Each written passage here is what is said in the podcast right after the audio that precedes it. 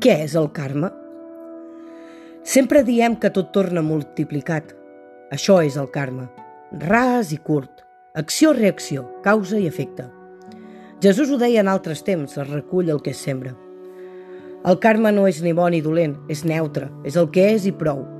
És el que un genera i un fa. Cada acció, cada actitud, cada pensament, cada emoció, cada paraula, cada decret. És una energia que genera una reacció a l'univers. Els experts en diuen energia vibratòria. Tots som molècules, àtoms vibrant en el buit. Només que davant dels ulls humans semblem sòlids. Si ens miréssim amb un microscopi potent, veuríem que l'últim protó de la última molècula nostra està buida. Ni tan sols ens tocaríem. Només que, pels sentits tan baixos de la seva vibració, veurem que tot està dur, sòlid i compacte. Pensar que quan un està estimant-se amb algú altre, ni tan sols s'estan tocant. Quànticament, els genis en diuen que en realitat no som res, mentre que per l'amor ho som tot, perquè l'energia està funcionant només per amor. Llavors el karma és neutre, és a dir, tan bo o tan dolent com el que estem o estàvem realitzant. Que jo estigui aquí escrivint i que tu estiguis allà llegint, això és karma.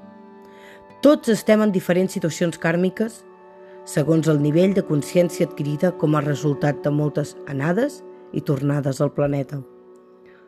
El nostre present és el resultat dels fets que en el passat hem causat – i el que anomenem futur, amb cert de realitat, perquè encara no ha arribat, dependrà del que estem generant en aquest instant, de l'amor o del mal que causem en altres formes de vida.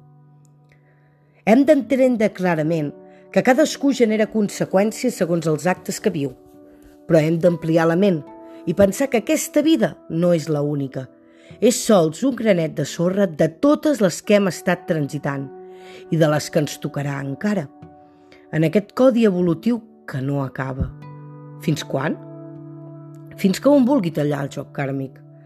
Dels 6.500 milions d'habitants de la Terra, 5 milions entenen el karma. Són criats amb les bases del que venim tantes vides i seguirem lligant-nos a tantes altres segons els mèrits. Just en el nostre Occident cristià, amb 1.500 milions d'habitants, no es parla de la reencarnació del cos.